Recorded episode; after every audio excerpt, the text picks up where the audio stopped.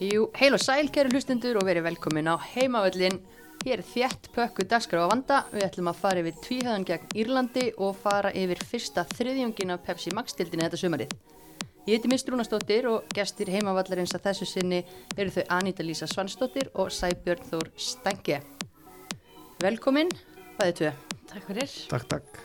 Hvernig hafið þið það? Bara ljómandi fínt. Bara mjög gott, gaman að fá okkur í þáttinn. Já, þú ert í fyrsta sinn á, á heimó. Stemmir. En hérna, ert sjálfur með hlaðvarp. Já, uh, við höfum verið með fyrir Norðan, boltinu Norðurlandi og, og verið að fjalla svona um liðin fyrir Norðan og reynda að gera það bara svona reglulega.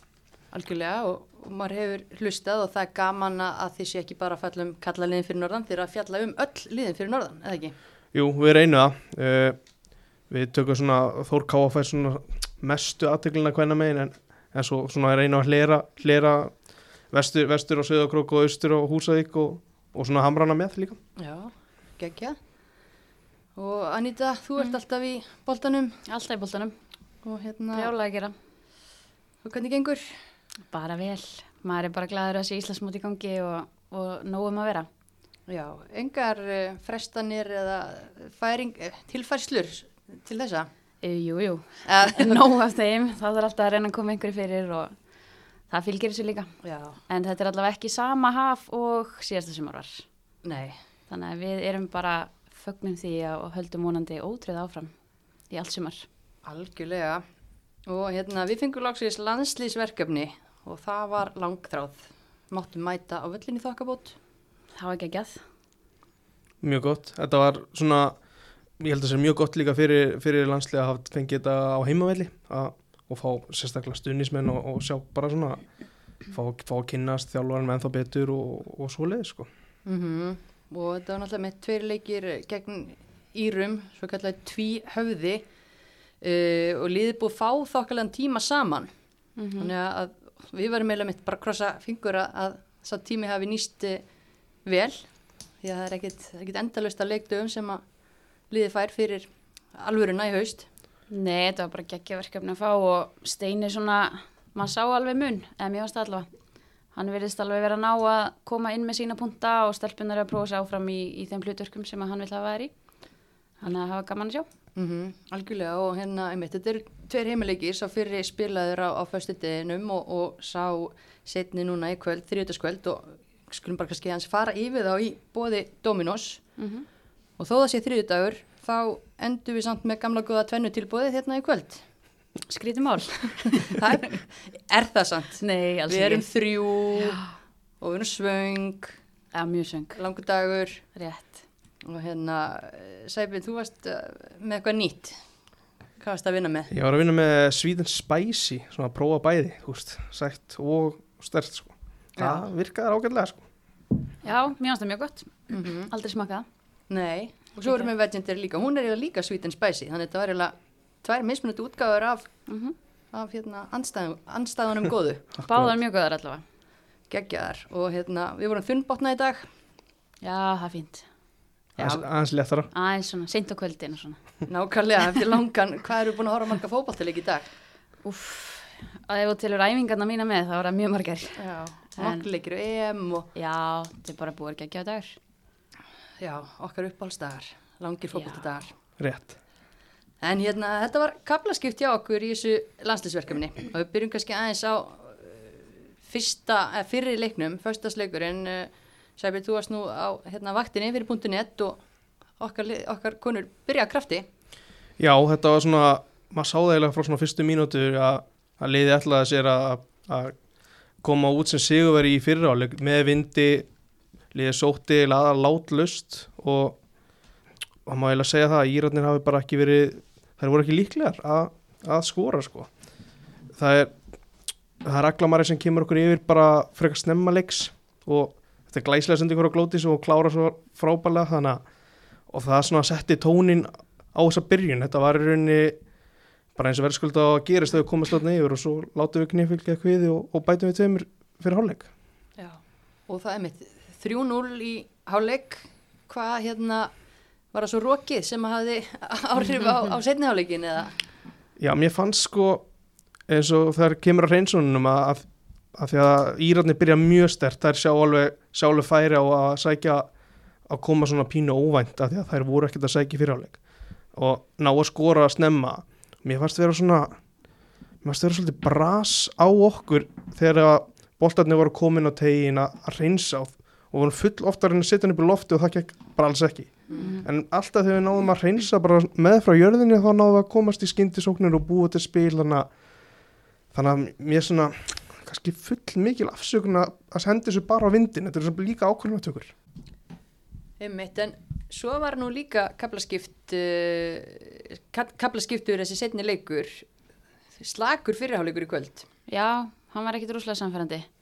Það var svona, kannski eins og Steini sagði sjálfur við tölum eftir leik, þær voru í einhverju rugli pressumómentum og var, þær voru bara ekki með taktin á hreinu. Maður bjóst alveg við aðeins meira af þeim. Já, markalust í háluleik uh, kannski bara eitt færi Berglind Björg fær gott færi hann í fyrri Já. en annars ekkit mikið að frétta og manni fannst svona einmitt það var engin taktur í, í pressunni og, og svona líki leikmenn bara einhvern veginn ekki að ná að skila boltan malmela frá sér Já, þetta var kannski öðru sem maður bjóst við, maður hefði viljað sjá margar þarna sterkari út að hann gerir breytingar og, og kannski kannski eitthvað stress að vilja sanna sig út að þær voru flottar í síðasta leik svona framan af. Þannig að, að koma inn og kannski að fylgja því eftir og svona vilt fá náttúrulega lið, nei, sæti í liðinu þá er spurning hvort að það er eitthvað spilað inn í. En þær verða að höndla það. En maður er líka kannski að rósa írunum því að mér fannst baráttan þar og, og viljin til fyrirmyndar. já þær voru, þú veist, þær, þær voru betri heldur en, heldur en ég held komandi inn í verkefnið mér fannst hérna og sérstaklega þú Steini kemur inn á eftir fyrir leikin líka þær eru með leikmann í Arsenal sem bara, hún er mjög góð, virkilega góð Katie McCabe held ég Já, maður fyrirliði Íra líka Mhm. og fyrirliði, já, nei hún er líka, hún er ekki fyrirliði Arsenal en spila með Arsenal og stór hluturki þar, mikið, Já. mikið stjarnar, enda sá maður í, í rauninni í hvert skipti sem að Írar gerði eitthvað fram á við þá hafi hérna, fór það í gegnum McCabe. Mm og, Já, ef við ætlum að, þú veist, rósa þeim þá, þá voru þeir að það er lágu tilbaka á móti vindi í fyrir áleik svo fer hún framar í setna áleik og það breytist bara allt. Mm þetta er svona, það líka spilar örgulega stóran hluti í, í, í, í þessum setna áleik í fyrirleikin Já, algjörlega. En mitt aftur kaplaskipt, þetta er svona góðu fyrirháleikur, lélega setni í fyrirleiknum og svo er þetta akkurat öfugt í, í kvöld? Og staða markalus í háluleik, steinin næra stilla það kemur sterkara út í setni háluleikin. Já, þær voru miklu sterkari og svona fengu fleiri færi. Þó að við höfum verið að kiksa kannski á ótrúlegustu færum þá hérna voru við allavega að skapa þau og það var gott að sjá. Þó að við hefum alveg viljað sjá Sveindísi skora og Berglindi skora annað og svona þá, þá var maður bara sáttu með að við tókum þetta 2-0 alveg ágætlega samferðandi Já, var ekki, þú veist, bara þessi skipting í hálfleik, hún hefnast líka vel Andrea kemur inn, Guðrún kemur inn það kemur svona einhverju auka orka í þetta Já, Andrea, hann tók hana tíu mínútur að hvað, að fá guldspjald, leggja upp mark og klúra döðafæri. Já. Þannig að það voru læti með Andreu Rán. Já, gaman að sjá og hérna, já, já, bara betur samstilt en, en 60, eða náttúrulega ekki stígi í þessu, Mhm. tveir sigrar í tveimur leikjum, uh, það lítur að vera það sem að kannski, já, fólk getur talað um hvort sé fram í staðan eða, eða sigrarnir sem skiptir máli en upp á sjálfströstið er þetta líkill. Já, já, líka Steini er að spila þetta á mörgum leikmönnum þannig að það er alveg, sýnir bara að það eru margir leikmenn að berjast um hverju stöðu. Við höfum góða britt í hópnum og þetta verkefni bara gerði helling fyrir nýjan þjálfara til, og ég myndi alveg segja að það ná alveg hausverk fyrir höndum að velja eitt gott byrjunali Mm það er alveg margir möguleikar í stöðinni Akkurat, þú veist, líka bara koma inn á þessi tveir sigrar þetta er alveg meira en bara veist, að vinna eitthvað lið, þetta, þú veist, þú veist að að venja það á það að vinna leiki. Mm sama hvernig þú rauninni gera það, það bara skiptir öllu máli svo þú kemur í keppnisleikin að bara kunna það. -hmm. Já, vinna saman sem lið og Mhm. maður sáði alveg, þú veist, þær voru alveg að fagna mörkunum vel og það var gaman hjá þeim og eftir leik og svona, þetta skiptir ótrúlega miklu máli að klára þessi leiki. Já, og þú segir að Steini sé með höfverk og ég er sammála, en mér langar að spyrja ykkur svona að því að Steini segir fyrir verkefnið að hann ætli að allavega í þessum fyrirleik bara að stilla upp sínu sterkasta liði og svolítið keira á þetta og hvað svona, hvað lesum við þessar breytingar á milli leikja og hvað lesum við í það hvernig Steini stillir upp? Ég myndi allavega, fyrir mitt liti myndi ég lesa í það að hann sé að stilla upp sínu besta 11 manna liði, liði sem hann heldur það er lið sem hann myndi tefla fram ef þetta verður um keppnisleika ræða þannig að og ef við horfum bara í það svona, svona, sem að flesti kannski velta sér fyrir þá, er Áslu Munda í liðinu en ekki Hallbera. Þú veist, hann er kannski bara komin á þann, þann tímapunkt að hann vill hafa Áslu þarna og svo er hann með Hallberu, ef það er, gerist eitthvað þá ertu bara með bara einhver reyndasta leikmannin kláran bara. Mm Sveindís náttúrulega tæpu og Já, maður spyr sér alveg, þú veist, er hún ekki partur af einmitt þessum fyrstu 11 ef hún er alveg 100% heil? Þannig að þetta er svona, þú veist, þó hún hefði klúrað einhverju færi kvöld og annað, þá er hún alltaf með ákveði vægi í þessu. Já. og mikil, mikilvægi í sóknarspilinu en á sama tíma þá, hvernig á maður að taka út fyrir hana, þetta er alltaf, þetta er erfitt. Já, Agla Marja gerði sér bara klálega greiða með sinni fram, framistuð þarna, tók tækifærið. Já, en fekk ekki að spila mikið í setni leiknum? Nei, kannski bara Matt Steina, hann væri búin að segja nóg. Mm með að við gæðin sem að hún síndi fram á þá held ég allir hafi séð það að hún er okkar eða ætti að vera okkar fyrsti maður hann er á vinstri kantinn. Já, uh, og, og tveir markmenn sem að skiptu þessu verkefni með sér. Sandra spilar fyrir leikin og, og Cecilia þann setni áttu þið vona á að Sessa fengi að spila setni leikin Já, fyrir mitt leiði, ef ég gríp orðið þá, fannst, þá komur það ekkert óvart. Og bara virkilega ánæður að sjá, sjá Sessu fá, fá þetta, veist, þetta tækifæri í liðinu. Og hún síndi það bara hún er, hún er mjög góð á milli stangana, hún er góð í fótbolta og þetta er bara okkar framtíð, Við- ég er ekki að segja nýtt, nýtt hérna en, en þetta er svona, það held ég mjög gott fyrir hann að líka bara halda hreinu. Já, Bara mér venja fannst sig á það líka. líka í Mhm. leiknum í kvöld það reyndi ekkit, veist, reyndi ekkit brjálað á hana þannilega en hún held einbyttingu mjög vel og maður sér það að hún held fókus, átti eina góða vörsluðan í lok fyrirháleiks og svo fannst mér hún bara vera örug eins og segið, þú veist, það oft verið meira að gera hjá henni og hún undir meiri pressu en það er líka skiptið máli að halda fókus í, í þessum leikjum. Já, hún síndi bara styrk sinn þar að vera svona, hún er náttúrulega algjör töffari eins og allir vita og síni bara þarna, að hún er alveg klár líka en auðvitað er þetta kannski svipa á bara með Hallböru og áslöfumundu þú ert þarna með framtíðina en þú vilt líka hafa reynsluna. Þannig að þetta er svolítið, svo má líka alveg spyrja sig bara fer það eftir verkefni? Hvar, hver, hvaða markmaður spilar, hvern leik? Mhm. Og aftur um eitt reynsla á móti hérna ungu kynsluðinni Elisa Viðarstóttir spila fyrri leikin og hérna hafur hún Rakel þann síðari. Mm báðar komast bara vel frá sínu. Já, þetta er alveg bara eins og við erum að segja, þetta er alveg flottur og breyður hópur. Þannig að ég held að Steini velji svolítið út frá verkefnum bara.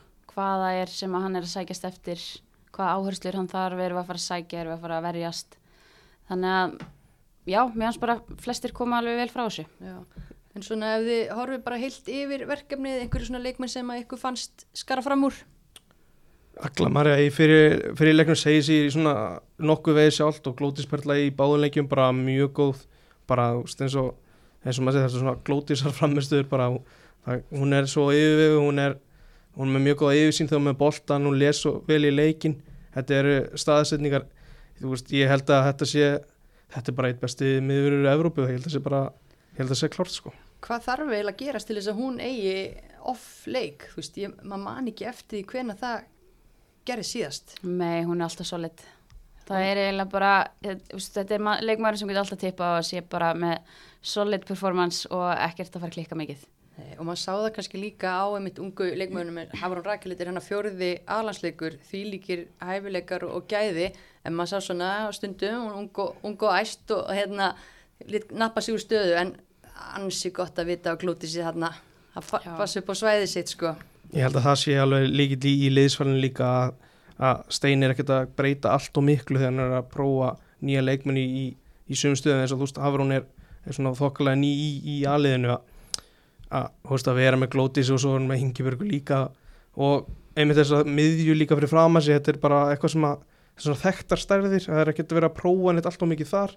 En þá færð þú að sjá hvað, hvað þú hefur í Hafrúnum með besta liði með sér. Já, einmitt. Ykkur er svona aðri leikmenn sem að þið voruð sérstaklega ánað með? Mér finnst kannski bara gaman að sjá Gunnhildi og Dagný líka vera bara báðar hvað sína bara framistuðu síndu í raunin það sem maður ætlast til af þeim.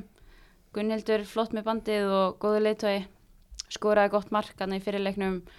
Svona með, hvað maður segja, svona Gunnhildar issulegt mark, svona áræðinni og bomba sér bara í þetta Já, þannig að hún setur líka svolítið góðan tón fyrir yngri stelpunar lætu verkinn tala og Já, og svona dagni líka bara mjög góð og þær eru leiðtóðar og það er gott að hafa þær þegar við erum ekki með Söru Björk. Þannig að það er einhvern veginn sýnir bara að við erum með ótrúlega mikið af flottum leiðtóðum að á.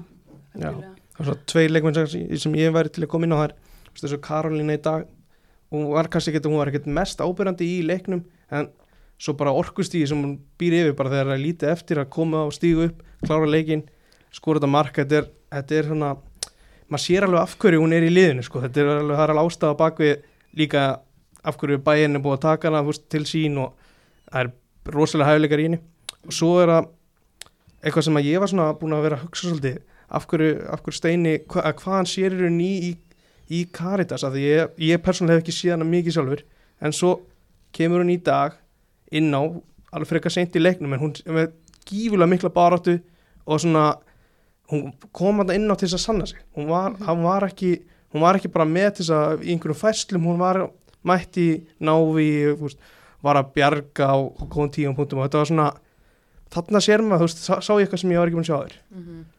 Já, hún kom með ákveðna geðviki inn í þetta líka sem maður fílaði. já, Já, nákvæmlega. Um, tveir leikmenn sem spila ekki í verkefninu, uh, kannski gefið að auður skefing, uh, fengi ekki leik, en Kristín Dís, varnamæður, hún spilar ekki. Hún lítur að vera hundfúl með það.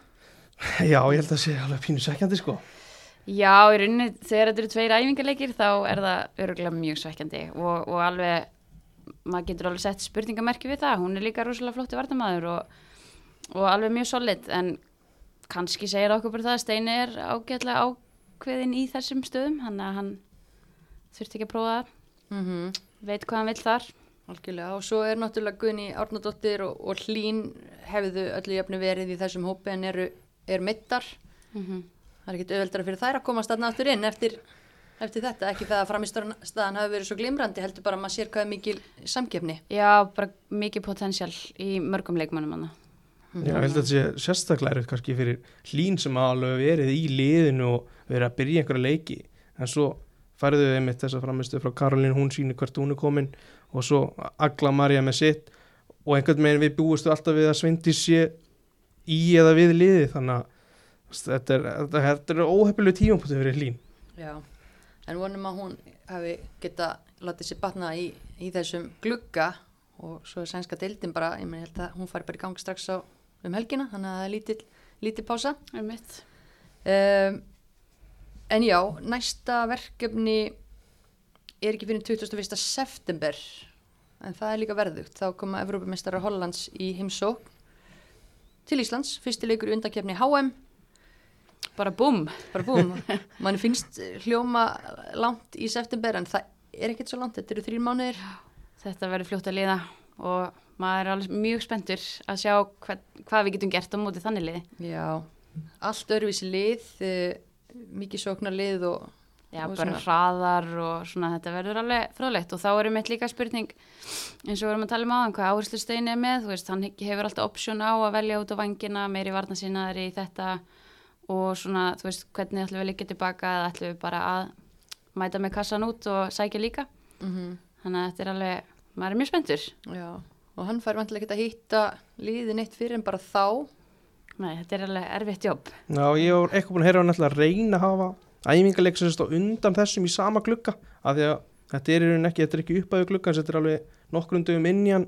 En það er ekkert sem er uh, komið upp á borð þú veist það er ekki búið að ganga frá því þannig að alveg óvist já, Einmitt. vonandi. Það verður sniðut fyrir hann, Akkurat. aðeins að skerpa á þessu. Já, aftur. Þanga til þurfum við bara hvað, að krossa fingur og vona okkar bestu leikmenn haldist heilar og haldi áfram að spila vel með félagsliðunum sínum. Já, 100% en hérna langar kannski aðeins að spyrja ykkur að því að við nefndum það áðan að loksins mátti mæta á fótboltaleik.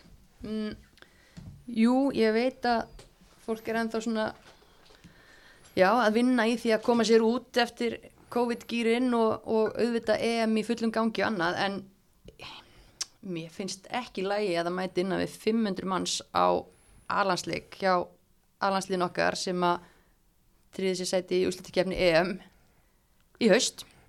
Og já, það voru, nú, voru 720 núna í setnileiknum aðeins framför.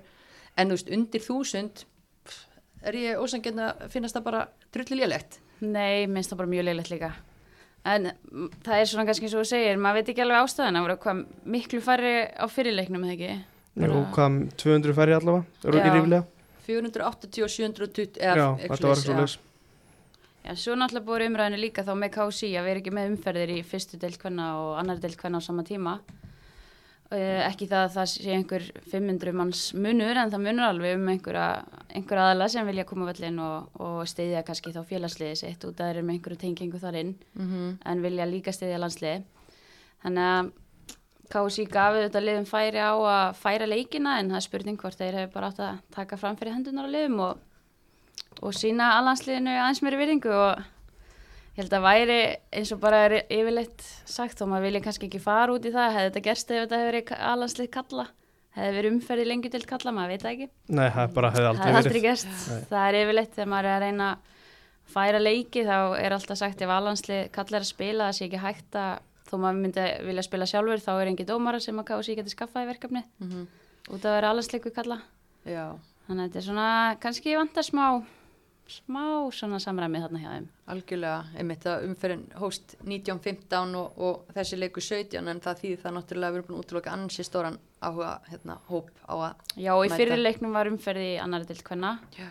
Þannig að þetta er svona þetta er bara leðilegt Já, þú veist, bara við horfum á þetta eru 22 leikmenn, það byrjum bara þar Svo er það einhverju sem að koma að horfa þjálfararnir og með dómarar og bara alls konar skil Mhm. Þetta telur orðið hratt, sérstaklega Já, þegar fjöldin er undir 500 þá er þetta fljótt að koma upp mm -hmm. Þú, við kannski horfum ekki í einhverja baráttu við EM og einhverja aðra íþrótti því að það er bara ekki hægt að gera það Mm. en þetta er alveg eitthvað sem að KSI á bara, einmitt eins og þú segir bara taka fyrir hendunar á þeim, færið leikina og þið stjórnir þessu bara veist, Mhm. sem samband ekki, ekki bjóðu upp á mögulegan í rauninni af því að það er ekki það þétt leikið í, í lengjudeild í bæði Karl og Hvenna og, og svo annar deild Hvenna að það sé ekki hægt að spila þetta einum setna eða tveimur sko Einmitt. Það var alveg færi á því að spila deginum áður núna og tveimtum áður. Þannig að þetta var, já, þetta var leðilegt og maður sá alveg einhverja aðeins hvert undan þessu samfélagsmiðlum sem er bara gott mál. Láta heyra aðeins í sér. Já, já, alltaf gott að láta heyra í sér En geti haft áhrif að kannski sé fólk eitthvað illa við að vera smal á völlin þegar að við erum svona á þessum vonandi loka metrum þessari en samt ég meina fjöldatakmarkanir leifa 300 manns í hverju hólfi og lögadalsvöldu býður alveg upp á mörg hólf Mörg þannig. Þannig að þú veist, af hverju ekki? Já, það máttu vera 800 á vellinum, ég held að það, þú veist, ég held að allavega það sé, það sé ekki margir hópar sem eru þar að, þeir sé hrættir við eitthvað, við að svoleiðis að einhver, einhvern fjölda, eitthvað, að vera, þú veist, yfir einhverju fjölda á, á svona viðbyrði. Ég held að þetta sé frekar bara, Fólki finnst kallt úti. Já, það var, það var, þetta viður náttúrulega á fyrirleiknum var ekki, það var ekki skemmtilegt að vera upp í stúku sko, en, en þetta er, þetta er þess gott lið og það er, það er gaman að horfa þér saman þegar þetta er svo mikið liðsild þannig að ég skil ekki alveg það við þurfum eiginlega að reyna að marka sér til það einhvern veginn, að það sé skemmtilegt að koma og að koma fleiri sko.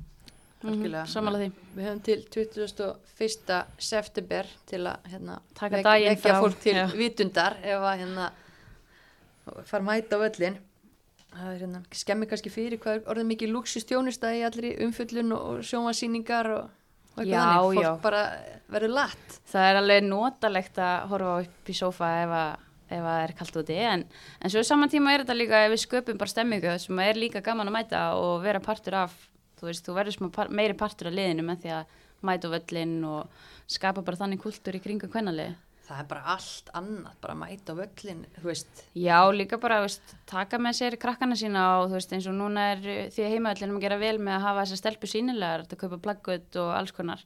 Þannig að, þú veist, fóreldrar þurfa líka pæli því að, þú veist, gera þetta stjörnum og þú veist, að vilja fara og horfa á, þú veist, öglumæri spila, alveg svo vilt fara og horfa á bara einhvern í kallalandsliðinu spila. mm yes en uh, látum þetta duga um þennan svo kallega tvíhauða tveir sigrar, við erum sátt og Já, spennandi framöndan. já, vil ég gefa þessum glugga engun Já, nei, nei, nei. bara solid sjö, það er ekki bara alltaf klassist þetta er sjö. Sjá, ok, tekið.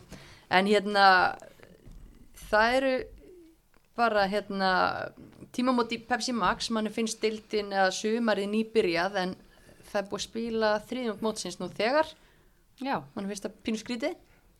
Júni er líka hálnaður, maður gleymið því stundum. Já, það er satt. Úf, já, já. Árið hálnað þar að leiðandi. Já, já, uff, Já, já. uff. Það er gaman að, gaman að vera til og, og hérna, tímilið rætt þegar að það er gaman það ekki. Jú, það er svolítið svolítið. klárlega nóga fótbolta og, og bara gaman að þessi sko Já. En við ætlum svona að stikla stóru og hérna fara aðeins yfir þessar svona fyrstu sex umferðir í þessari deild sem er búin að vera gjörsanlega byluð. Já, þetta er eiginlega búið að vera, hvað, maður mann ekki, eða já, langt síðan að þetta er búið að vera svona gaman. Hefur Fyrir okkur sem erum að horfa allavega utan frá, þá, þá er þetta mjög skemmtilegt. Já. Maður er allavega oft búin að vera bara, what, Einmitt. þetta?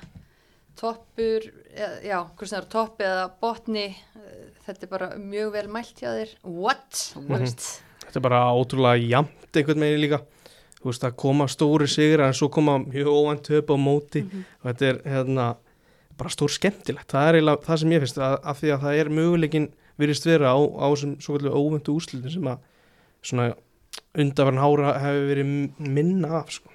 Mm bara nánast ekkert, það er kannski eitt leikur á sumri en við erum alveg búin að fá nokkra nú þegar og hérna allar spáru voru sko foknar bara eftir kortir í Já, fyrstu já, umferð sko. já, já, melgir í bylli hérna fyrir sumar, sem er samt ógeðslega gaman. það er Já. bara best sko en hérna kíkjum bara á þetta og, og pælum aðeins bara í svona hverju lið fyrir sig bara svona örstutt og, og mér langar bara að byrja á toppnum með þetta skipti og þar eru reyndar eftir þessa fyrstu sex leiki tvö lið með jafnmörg stig en selfisingar eru í efstasætinu með sagt, sjö mörki pluss og valskonur jafnmörg stig en fimm mörki pluss og sko við þurfum ekkert að ræða um Selfoss í fyrra en hvað getum við sagt um þetta Selfosslið í ár?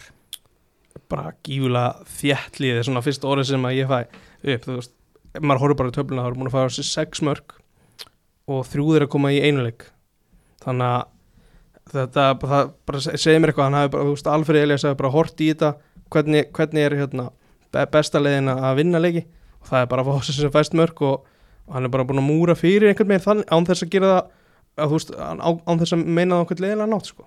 Já, og það er hérna kannski gildi sem að hann var að vinna með svona fyrst þegar hann tók við liðinu og þessi fyrstu ár þá var varnarleikurinn aðalsmerki en svo náttúrulega mitt bara án þess að við tölum um árið í fyrra það breyttist bara svolítið svona hvað, upplegið og annað bara með nýjum leik, leikmönum og öðru en, en þú veist, mér finnst hann bara mitt farin aftur svona í sig grunngildi og komið meiri hjarta í þetta Já, kannski bara pressulaus, ef að má segja það, eftir síðastu sumar. bara algjörlega það er rétt og Já, bara svona koma inn í þetta núna bara með svona, já, já, bara auðvitað vitum við að þau sem lið ætla sér alltaf að vinna og, og svoleiðis, en, en svona öðruvísi stemming núna í kringum þetta. Og eins og kannski þegar við vorum að spá þeim neðar í byrjumóts þá var Hólfríður Magnúsdóttir ekki í myndinni. Og hún er bara gríðalegur X-faktor í þessu liði þannig að hérna, það kemur mann ekkit óvart með hana einu borts. Nei, mitt og svo náttúrulega kannski líka þar ég eftir að spila við bæði blika og val. Geti, geti hérna haft einhver áhrif en þær eru að klára sínu leiki og jú, er búin að tapa einu leik töpuðu núna í, í eigum í leik þar sem að þær komist yfir og, og hérna maður held að rætlu bara að klára þetta en eitthvað snýrist við þar með vindinum og, og öðru en gera hérna svo jafntefla á móti fylki manni færri en hinn fjóru leikinni bara mjög fínir sigurleikir hjá þeim. Já, og bara mér finnst líka kannski það sem er að skilja aðfyrir núna er að það eru bara með frábæran framherja hana brennu. Og hún er að skora og þú veist, gera það sem hún þarf að gera. Tekum mikið til sín og vera með hana og fríðu sem taka báða mikið til sín þá í rauninni þú ert að reyna að lóka aðra þeirra þá kemur hinn bara og svo eiga er náttúrulega önnu vopn líka þannig að þetta er svona þetta er skemmtileg blanda núna. Mm mjög gaman að þeim. Já, bara þú veist, já, svo, að ég tek undir þetta með að taka til sína því að þetta er bara skilgreiningin þegar ég horfi á þær spila Þær tvær, já. þetta er bara að þær taka svo mikið til sín þú veist, hólf, þær geta unnu öll návi þær geta brotið upp leiki hólfríði byrja þetta mót virkilega vel þú veist, ég sé minna af henni svona síðustu leikjum en brenna heldur bara sínu takti og er, já, markaðist með sex mörg á samt hvað dýpi, þannig Já. Mhm. Já, bara ótrúlegt og bara þessi munur sem þú þarfst að fá í útlending þegar þú ert að fá þér útlending og það kannski skilju líka að þetta sumar og síðasta sumar að einhverju leiti að hún er bara betri en þessi sem var í fyrra, ég man ekki alveg hvað hún heitir. Tiffany sem fór í blikana. Já, já, var Tiffany. Já. já, Tiffany er eiga betra sumar núna og En- vice versa. Já, í rauninni. Það þarf bara, þurfa allir að finna sig og, og vera í réttu uppleggi og umhverfi. Já, bara öðruvísi, þú veist. Kannski hún bara vanar núna en hún, hún hérna brenna er bara leikmaður sem að það er þurft að fá. Mm algjörlega uh, leikmannahópur þeirra ekki jafn stóru leikmannahópar vals og breyðabliks ef við erum að horfa bara á þessi efstu þrjú lið eins og staðan er núna. En eru þær með nógu gott lið og þá er ég að tala um breytt og hóp og, og allan pakkan til þess að halda þessu gengi? Það eru með svona, það eru með toppa í leikmannahopnum sem að verður rosalega erfitt að fá, fá sagt, inn af bekknum einhverju sem er jafn góð eða jafnvel, einhverju sem er ekki eins og á bekknum eða kemur út í það. Uh, eins og Emma í miðverðunum sem er bara frábær. Uh, svo eru þeir með, þú veist, Barbara er, stendur alltaf fyrir sínu uh, og eins og Hónfrýður og Brenna, Mhm. þetta eru bara svona þessar, þessar toppar í liðin og nú er komið með Markmann líka sem að sem að hérna held ég að verði í markinu bara svona svolítið út tíðanbilið þessi kom, kom svona þá sá tíðanbútur að, að, að hún kemur inn núna og það er eitthvað sem að ég, húst, ég held að þetta sé alveg lið sem getur þetta verður við toppin Já, Eva Núra er að koma mjög vel inn í þetta eins og við varum að búast kannski þetta verður bara fróðlegt að sjá þær núna spila við þá breyðablík og val og sjá hvernig þær koma út í þeim verkefnum. Verðum við ekki að segja bara ef það er ná úslitum þar þá er það til alls líklegar að bara 100% klálega ekki. En uh, annar lið sem að er ótrúlegt en satt kannski á toppið eldrinnar með Selfoss því að margir hafa talað um það sem hérna, ákveði vonbriða lið allavega framan af í sumar og þá erum við að tala um val sem að lang flestir spáðu Íslandsmeistara titli uh, þær eru búin að tapa og gera jafntibli sem er óvanalegt á þeim slóðum þegar eftir bara sex leiki. Mm, hvað viljum við segja með þetta valslið?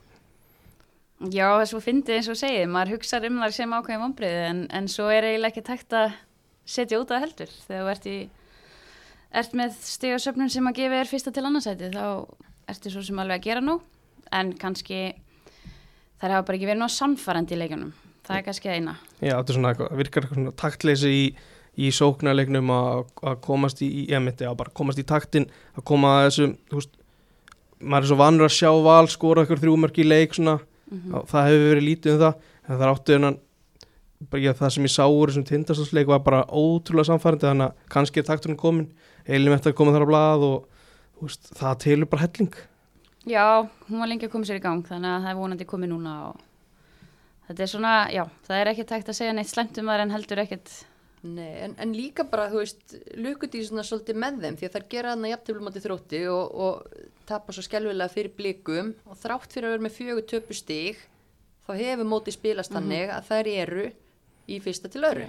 það er að skemmtilega við þetta mót kannski Já, þú veist, fyrstu til öðru og eiga eftir að mæta selfos, ég geta hort á það svona komast á toppi með því að vin- vinna þær það er Mhm. vantilega að horfa í það sko Já, það verður geggjaður leikur. Mhm. En uh, Selfoss færendar þriðasætisliðið í heimsókn á undan og það er núna mándaginn og það verður ekki síðust geggjaður leikur. Blikar, tólstig, þriðasæti, búin að vinna fjóraleiki þar af tvo þar sem það skora nýju mörg en eru samt búin að tapa tveimur Bara hvað er í gangi? þetta er bara styrlað maður held einhvern veginn að það er unnu val að maður bara heyrði ok, þær eru komnar í gang þær eru bara að fara að valta yfir þetta núna Mhm. svo kemur bara keflaðið þeim nýra á jörðina Já, en þetta er líka bara, það er um mitt, mæta til móts, uh, fyrsta umferð, rústa fylki sem að flestir spáðu þriðasætinu, 9-0, ok, tapa svo fyrir IPVF, 4-2 næstu umferð, strax legnanir á jörðina.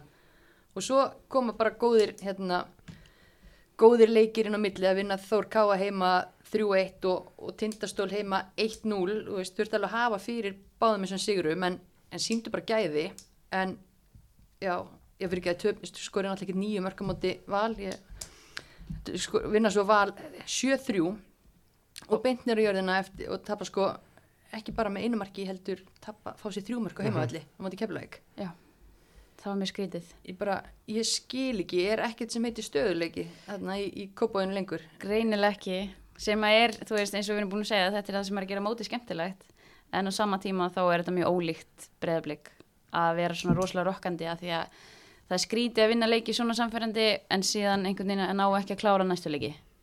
Það er eitthvað sem gerist. Það er og, það er eins og ákveðin liðin á að loka á þeirra vopn og, og svona eins og á móti tindastóli þá, þá er lokað á áslugmyndu og öglumari sem, sem að gera þeim bara mjög erfitt fyrir. En á, þú veist, á móti fylki og var þá er þær bara að brillera. Þetta er svona það er kannski, það er erfitt kannski að segja það því að það er búin að skora það mikið en þessir tveir svona toppar í sóknarleiknum vega alveg rosalega þungt mm Algjörlega, blikar eru búin að skora langflest í dildinni, búin að skora 23 mörg, þar 8 mörgum meira en Valur sem hefur skorað næst mörg, mest. En þær eru líka búin að fá að sig 11 mörg, þær eru búin að fá sig fleiri mörg heldur en Þróttur og Keflavík, Jafnmörg og Þór Káa og Stjarnan. Þetta er ótrúlega tölunum með að við bara breyðabliks síðastlegin ár Já. þá er það er ekki vanar að fá sér þetta mikið af mörgum ekki yfirlt verið liðið sem fær á sér fæsta mörgum Jú. Jú, Sonni hefur ekki já. verið mikið í því að sækja boltan í netið, auðvitað breytingar og, og hérna svona, eh, jú, jú, greinilegt að varnalíkurinn er langt frá því komin í lag hjá þeim en, en sóknarlíkurinn er ekki trublaðir.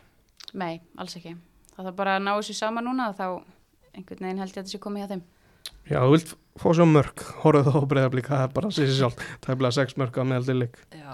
En það er náttúrulega mjög mikil blóttaka Andrea Rán sem er búin að vera einn af þeirra bestu leikmönum og sakski leikmaður sem bindur þetta sama fyrir þær. Hún er að fara til Houston Dash í atvinnum mennsku er ekki fara að spila meira með þeim búið að sækja tvo erlenda leikmenn sem er óvanlegt í kópavænum náður þeir að leysa andru, menn það eru leikmenn víslega að koma inn og annað. Það er eiginlega ómögulegt að segja. Það er ekki hægt að leysa það held ég. Með að við bara hennar gæði núna sem hún hefur sínt í sumar en að sjálfsög vonum að það að það eru líka meistaradeldinni og, og hljóta að vera að horfi það að komast eitthvað langt þar. Annars væri það vantilega ekki að sækja þessa erlendu leikmenn. Nei, maður er meint hugsað það að þú veist, maður skilur ástöðuna fyrir því og maður sett alveg fyrst bara spurningamerki við það að það væru að sækja sækja sér útlendinga bara yfir höfuð. Þannig að hérna meistaradeldin hlýtur að vera á baku eira þar Já. Já, þú, ég, ég get samt alveg skilið einhverju leiti þessa pælingu að sækja utan landsleirina, hann alltaf er þegar andri að fyrir út, þá er tímabili fara að stað, það er ekki droslega mikið í búið hér heima að fara að gera eitthvað. Og svo er það líka búin að missa það marga bara landsleirleikmenn út að, að þegar þú getur ekki fengið þá leikmenn svo getur hérna innanlands, þá verður bara horfa ekkert annað í þessi gæði sko. Mm Og er það að vona að þessi að koma inn með, með gæði, við erum aðeins búin að sjá til annara þeirra og bara lúka, lúka þokkalega. Mm en hérna þetta verður bara áhugavert. En þú veist, ég meina blikar eru þarna stíu og eftir. Eru við að fara að sjá þessi þrjúlið stinga af eða eiga þróttarar eða IPVAF sem eru 4-5 einhvern, einhvern sens á að hæluna þeim. Já, ég myndi alveg, ég var ekkert spennt að mæta hásteinsvöld núna sko. Það er, það er verið að vera til alls líklega líka. Ótrúlega gaman að því. Já, og þróttarinn er alltaf solid þannig að hérna, ég sé ekki fyrir mér að neittli fara stinga af núna. Nei, vonandi bara helst þetta áfram svona en þróttur og IPVAF eru bæði með nýju stig, þróttara með fimmörki pluss eigakonur á nullinu og eigakonur svolítið annarkort eða með þrjá sigra, þrjú töp að meðan að þróttararnir eru með tvo sigra, þrjú jafntibli og bara eitt tap sem kom á móti selfósið mitt. Við byrjum kannski bara á þrótti því það eru ofar í töflunni. Hvernig hefur ykkur lítist á þróttarliðið? um, bara mjög vel mér finnst það, eins og ég hef alltaf sagt bara mjög skemmtilegar, svona varnarlega mjög þjættar og skipulegar og Nick heitir alltaf naglan og höfuð með góða útlendinga, þannig að það er alveg að skila sér inn í liði líka. Það er jákvæð stemning svona í kringum einhvern veginn finnst mér hvernig liði allavega og hérna og þetta er hérna, þú veist, þetta er ve- vel gert einmitt með útlendingana sérstaklega Katie búin að koma frábælega inn í þetta og þau eru með skemmtilega, þau eru með góðar miðverði þarna saman, Elinu og Sóli og svo, þú veist, svo er Íris bara verið allt í lagi, ekki í markinu? Jú, hún svona var kannski ekki alveg í sínu besta stuði í þessum selfosleik þar sem fekk á sér fjögum mörg en eh, að öðru leiti hefur hún bara staðið vaktina vel og mér finnst gaman að nefnir þessa miðverði. Mm, þróttar að bara búin að fá á sig nýju mörg og Jelina Tinna og, og Sólei Marja Steinastóttir ég meina Kornungar Jelina fætt 2003 uh, Sólei 2000 svo er smá reynsla í, í vinstri bakverðinum en eh, hérna hún Elisabeth Freyja fætt 2001, þetta er unglína og bara, einmitt, það er ekki að fá að sig eins mikið. Just, í fyrra voru þessi leikir eins og handbóltaleikir oft á tíðum. Já, einmitt. þannig að það er eitthvað búið að, að börnin hafa múra fyrir í vetur. Já, svo eiga líka leikmenn eins og Lindulíf og Ollu sem að geta skora mörg og svona þannig að þú veist, Olla búin að skora þrjú mörg er aldrei að fara að stoppa ef við þekki hana rétt. Og Lindalíf að koma inn svona vonandi fullum krafti eftir vombriði síðasta sumar meðast þannig að minnst það er svona spennandi lið maður fylgist alveg spenntu með að sjá bara eins og þær tvær spennandi ungi leikmenn sem eru að horfa á vonandi inn í landsliði framtíðinni. Og þær eru að halda erlendum leikmanni á bekknum henni Sheilan mm uh, Sheilan reynda búin að vera minna á sig núna í síðustu leikjum hefur verið að koma inn á og, og skora þannig að hún andar hann í hálsmálið á, á þessum ungu framherjum. Já, bara frábært. Já, það gerir þeim bara, bara mjög gott og veist, einmitt að halda, veist, það heldur þeim á tánum og, og ég hef- myndi bara halda að það, gerir þær bara betri að, að vita af svona sterkri samkeppni á bekknum. mm uh, Já. Og svo, það var það IBVF, ég meina þær eru með þeim eitt jafnmörg stig en þær fara allt aðrar leiðir í, a, í að sækja þau. Uh, eru sérst að þetta er mjög skemmtileg tölfræði. Þrýr unnir, þrýr tapaðir. Tólmörk skoruð, tólmörk fengið á sig. Það eru bara svona rosa balans Ákveðin á balans, já. skrítinhátt í eigum uh, margir voru að spá eigakonum niður fyrir tímumbilið óskrifa blað eins og mörg ára undan Þetta er bara með þær núna, veist, það var eiginlega hægt annað en að spáða um neðarlega allavega, en svo eins og við erum að segja núna með útlendingalottóið, þá eru þær bara eitthvað annað góðar núna Já. og smetla vel inn í liðið, íslensku stelpunar bara flottar með eins og maður bjóst svo sem við. En þær eru þarna með X-faktora sem eru bara klára leiki og eru bara ógeðslega góðar. Já, klálega það er bara búið að horfa á réttu YouTube-vídeón og ringi í rétt, réttu umbúsmenn að klálega í, í útlendingamálum hatta. Þetta er dýpi sérstaklega bara búin að vera frábær og svo, svo náttúrulega er, sko, ég veit ekki hversu vannmetið það er en það náttúrulega er ótrúlega þýðingamengið að halda auði, halda Kristínu svona einhverjum ísl, íslenskum kjarna, þú veist, fá klöru inn, þetta, þetta hefur mikla vikt sko.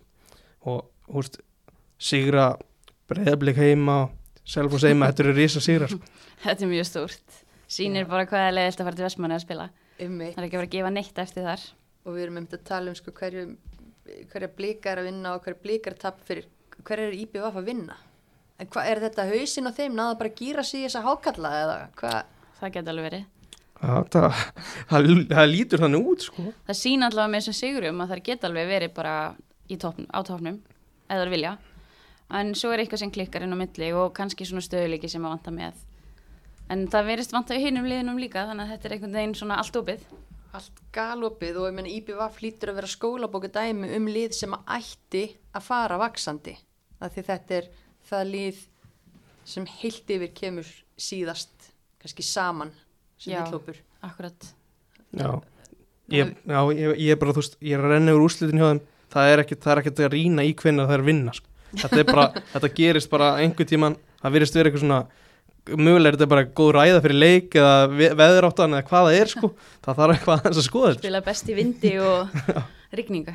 en eins og þú segir, ein- einmitt, liðið kemur seint saman, þess vegna er því oft bara spá neðarlega því að það er bara mikil óvisa Já, maður er ekki búin að sjá neitt en nú erum við aldrei búin að sjá, þú veist já, kannski mest af Dýpi hún er búin að stela svolítið fyrirsögnunum að eðlilega, hún getur ekki farið inn í teiga hans að skora.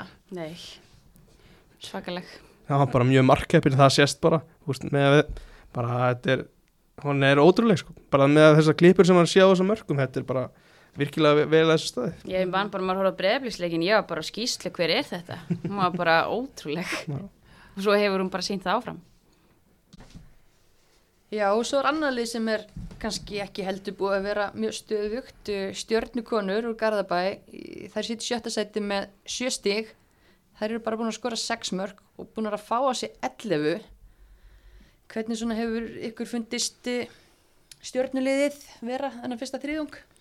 svona uh, í því sem ég hef séð og það er ekki allir leikinni, ég vikir það en, en það hafa verið skipulaðar eru mjög þettar en mér svona ég seti svona smá spurningar ekki hvar einhvern veginn mörkin er að koma þess að augljóst sex mörki í, í sex leikim en það er að fá sjö stig út úr þessum sex mörkum sem er ótrúlega vel gert og Það er mjög vel gert. Já, það er bara þú farið ekkert betra hluta held ég út úr út, per stig sko. En hérna, já þetta er það eru eru búin að vera mjög góðar þú sérstaklega Anna Maria tilbaka. Þetta er eitthvað svona sem ég átti ekki vona fyrir tíðanbili að því hún var ekki, hún var ekki með allavega stærsta lutan í fyrra. Mhm. og þá er hún þannig er hann komið bara svona leiðtóð sem þekkir þetta allt og þú veist, getur bara þú veist, svona stýrt aðeins inn á vellinum. Sjandið í markinu þetta er þú veist, þetta lítur, lítur allt í lagi út ef hann næra púslengur um sóknarleik saman sko. Kristján, sem sagt. Já, ég held svona, mér fannst stert hjá þeim að taka fylki 2-1, mér fannst það svona að því ég var ekki alveg viss með þar ég var ekki alveg viss, svona eins og þú segir mér fannst svona eitthvað ekki verið að virka en svo svona margt alveg allt í lagi.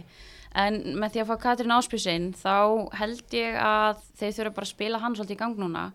Hún skoraði síðasta leik Betsy skoraði, þetta er svona veist, þetta getur alveg bara smolli hjá þeim og orðið gott út og þú ert með það mikil gæði í Katrínu.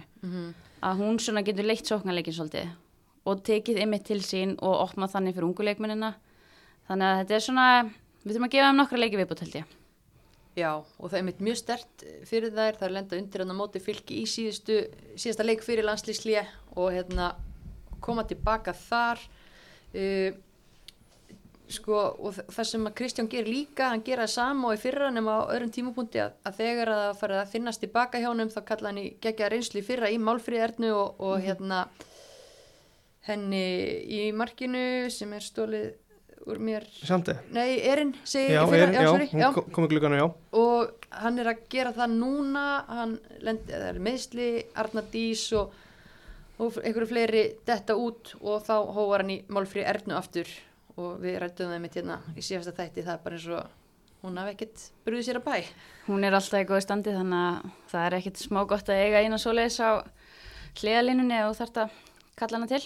Mm svo er líka, þú veist uh, Anita Ír sem hefur ekkert spilað hún kemur inn á þessum síðasta leik þannig að það er svona vonandi aðeins að glæðast yfir þessu að, að leikmenn að verða heilir og, og svona breyka aðeins hópiðin og auka aðeins samkeppnina, sérstaklega mitt kannski um þessar fremstu stöður þar sem okkur vanta aðeins meiri já, eld. svona eins og þeir að segja, kannski einhvern sem að leiðir svolítið sóknarleikin svona hvað á að gera og, og kannski svona Kristján aðeins að finna út líka núna en að fær Katrín Áspjús seint inn að hvernig hann getur nýtt hana til að opna meira og svona hún hefur góða einleika í því. Kristján sagði eftir sigurinn á fylki að ég man nú ekki alveg hvernig hann orðaði þetta en hann talaði eitthvað um það að með þessum sigri ætluði að það er mögulega að fara að blanda sér í topparáttuna mm og þá kom einhverjur að skuti tilbaka á hann ekki bara að vera einbytta sér að því að halda sér frá botninum. Ég meina hvar sjáu þið eh, þetta stjörnulið? Hversu langt getur það farið sko svona hvað með, sætalega séð í þessari deild? Ég veit það ekki, þetta er einhvern veginn svo, ég get ekki með að neitt við fylki út af, ég skil ekki fylki akkur núna, en við fyrir kannski þá eftir. En hérna, þú veist, þær getu þetta allt eins og maður segir með lið þegar það eru með mannskap. Það er ekkert eins og þessi léli leikmenn sem stjórnuliði, þannig að, þú veist, ég veit ekki með topparáttu, mista svolítið langsótt, en ég menna flott bara að stefna á það og fyrir ofan miðju. Já, bara sjáum það eins og að tala um að vera í þessu topp 5, þú vilt vera þú sért neðstur í toppártunni þá ertu svona allavega að narta í hæluna það getur líka alveg hjálpa einmitt, ef hann er að segja við hópin við ætlum að fara í toppártuna og hann kannski er með aft, aftur í höfðinu horfa kannski í fjóra og fymtasæti það gæti alveg lift liðinu bara upp í þriðasæti skilur. bara þetta hugafar þannig að kannski er hann alveg, hann er alveg hugsað kannski eitthvað eins lengra. Já, hann er klókur. Hann er það en uh, þú veist það er stutt á milli þessu. Keppilagliði bölfuðu brasi með að klára leiki lengi framan af koma svo í, í sjöttu umferð og klára Íslandsmeistarana 3-1 á útivelli. Eh, já. Já, ótrúlegt bara, að, að þannig sé fyrir leik þá var þetta ótrúlegt. Já, maður ætti alls ekki vona á þessu. Nei, man, maður held svona að, að vindurinn væri svolítið að fara úr keflauguleguna því að það eru búin að vera kannski, veist maður ekki kannski að tala um óhefni í fótbalta en það eru búin að vera svo nálagt því að fá eitthvað meira út úr þessum leikjum sínum en einhvern veginn virtust bara hérna, einhvern veginn allt vera stöngin út hjá þeim. það er ótrúlega vel gert einmitt eins og þú segir það virtist allt vera stöngin út en þú nærð einhvern veginn að fá trú í hópin og nærð að einhvern veginn breyta svona sveiflunni með þér í vil einhvern veginn og, og veist, hann, ég held að, að, að, Gunnar hafi sett hennar leik frábælu upp á mútið breyðarblik hann, færi þessu í miðvörinn svona, svona sinn best spilandi leikmann þannig og mestur einsluna og hún, hún svona stýri þessu frá aftur, öftustu línu og það bara svona fer í gegnum all, all liðið svona trúin á verkefni held ég bara út frá því líka sko. Mhm. Líka sko eins og með Natasju, uh, mér finnst hún sem miðvörður vera bara topp þrýr miðvörður í sér deild. Já, Sem miðjumæður þá er hún kannski komin í topp tíu, þú veist, bara yfirbyrðinir hennar og hennar hæfileikar, sérstaklega með þessu keflaugliði. Mér finnst, ég vil bara hafa hana þarna en þá með möguleikan á að geta hendinni framar ef á þarf að halda. Já, það er alveg góð pæling og kannski er þetta eitthvað sem að Gunni bara sá að virkaði best þarna með að eitthvað vant að líti upp á einmitt í síðustu leikjum á undan þessum. Þannig að þetta snýst náttúrulega alltaf um að finna bara réttu blönduna og réttu skriftina fyrir liðitt. Þannig að hérna Natasja er náttúrulega frábæri í hafsend þannig að Mm. og svona sér þá völlin betur og getur kannski stýrt eins og þú veist að segja þannig að svona með því að vera miðjunni þá ertu auðvitað komin aðeins framar og hún er í meiri hlaupum og stýrir öðruvísi þó hún sé alltaf leiðtói horfið sennilega í það einmitt hvað svo mikið ert að fara að halda boltanum og ef þú, er, ef þú horfir í að þú ætlar að liggja tilbaka þá er sennilega best að hafa hann bara sem eins aftalega þú getur Já. Já, Stoppa, mjög. stoppa. mm. En hann var með eina konu ansi framalega að samaskapi, einsett í lok en að lást tilbaka og hinn var í rugglinu frammi og það er Ariel Sjavarín sem er fljótar en vindurinn. Já, Hún skora tvö mörk í þessum blíkaleg og hún er líka svolítið að stela aðtöglu okkar en þessa myndir. Já, hún var bara svakalega góð í þessum leik bara krafturinn í henni og veist bara vin- vinnsla í návíum, þetta er eitthvað svona sem að, einmitt, býr bara til færi og vinnur leiki oft bara þessi, þessi líka bara trú einmitt í návíunum að, að halda og sért að fara að vinna boltan og þá gerur það oft sko. Já. Já, þær höfðu trú á þessu verkefni og það skilaði sér. Mm Þetta var eiginlega bara ótrúlega tölur, 3-1 á kópásvelli Og Ariel með fjögur mörk í fjórum leikjum og mitt Gunni búin að bunna eins og fólk að allir voru að pæli hver átt að skora fyrir, fyrir Keflavík eh, og spurði hvert að fólk kynni ekki að googla en hérna, það er, það er Ariel, hún náttúrulega, já, er Við býðum bara að viljum sex. sjá það. Já. Við nennum ekki að googla eitthvað. Hún er búin að taka, já, Hún er búin að sína það núna. Hún er með fjör, fjögur mörk í fjórun leikjum og svo erum við með Brenn og Dýpi sem eru sex mörk í sex leikjum. Já, Já, þannig að þetta eru þrjár sjóðhittar hérna, beint frá útlöndum. Algjörlega. Um, en Keflavík liðið, þú veist þessi sigur gæti ekki verið meira pepp væntanlega en það virkilega vel fagnaði. Ég meina eru þær kona með lukkudísinnar á sitt band Ég held að það er svo erfitt að meta, það er alveg vond að vinna leik svona og fara svo beint í pásu. Svona tekur kannski aðeins svona taktin úr því sem þú ert búin að vera að gera.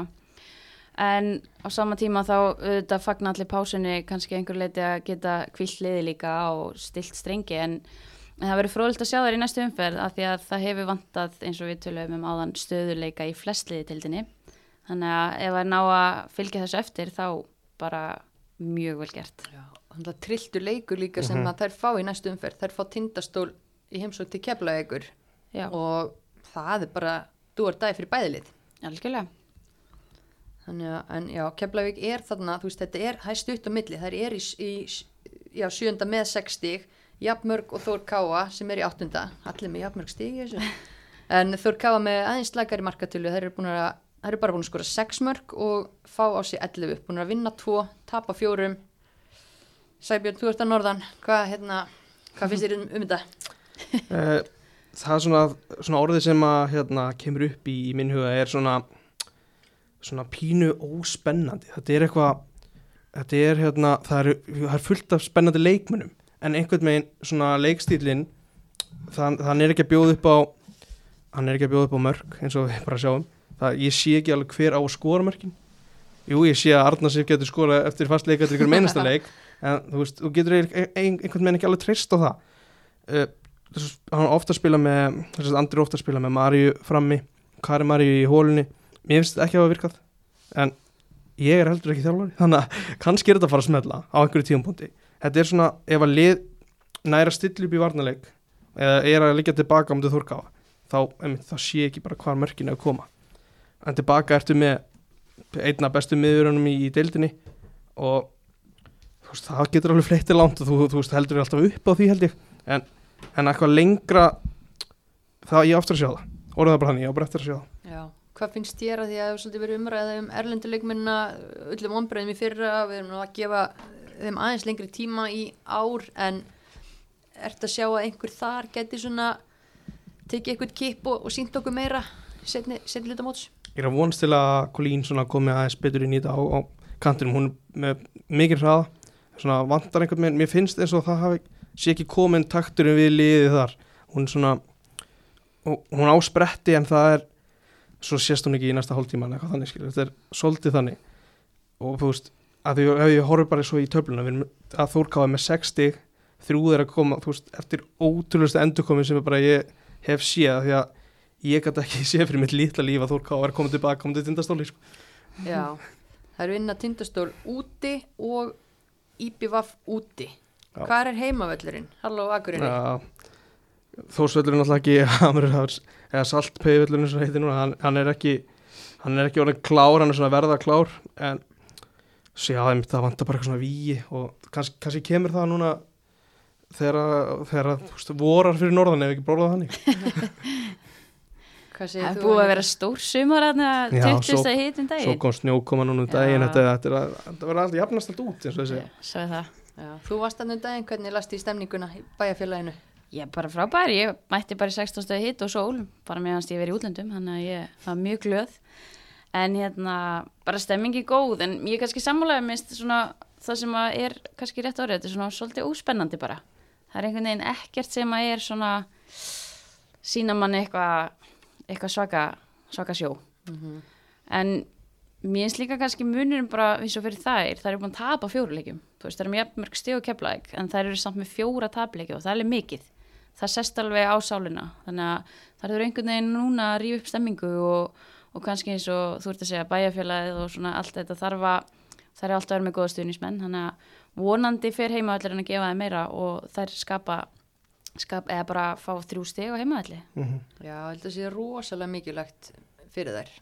En hérna, Bara upp á framhaldi og svona, annars er þetta fljótt að sogast bara lengra niður. Akkurat, Mhm. þess að því að ég kom inn á þessu stigasöfni þú veist, per, per færi eru það mjög góðan stigafjölda því að mér finnst það ekki skapa mikið það er svona það sem að mér finnst óspennandi svo að ég ná að koma sér skýrt frá mér fyrir þá frá akkuringar sem að hlusta halda sér mjög ro- rosalega neikvæður á þetta en, en þú veist, einmitt, er, það er geta bara pottið betur Já, já, þetta eru góði leikmenn og úst, góði þjálfarar og allt þannig að það er alveg opsjónu að gera þetta betur. Einmitt og það er ekki nema þrjú stig upp í fjórðasætið, uh, sex stig, tveir sigrar upp í þriðja eins og staðan er, þú veist, það er bara allt galopið.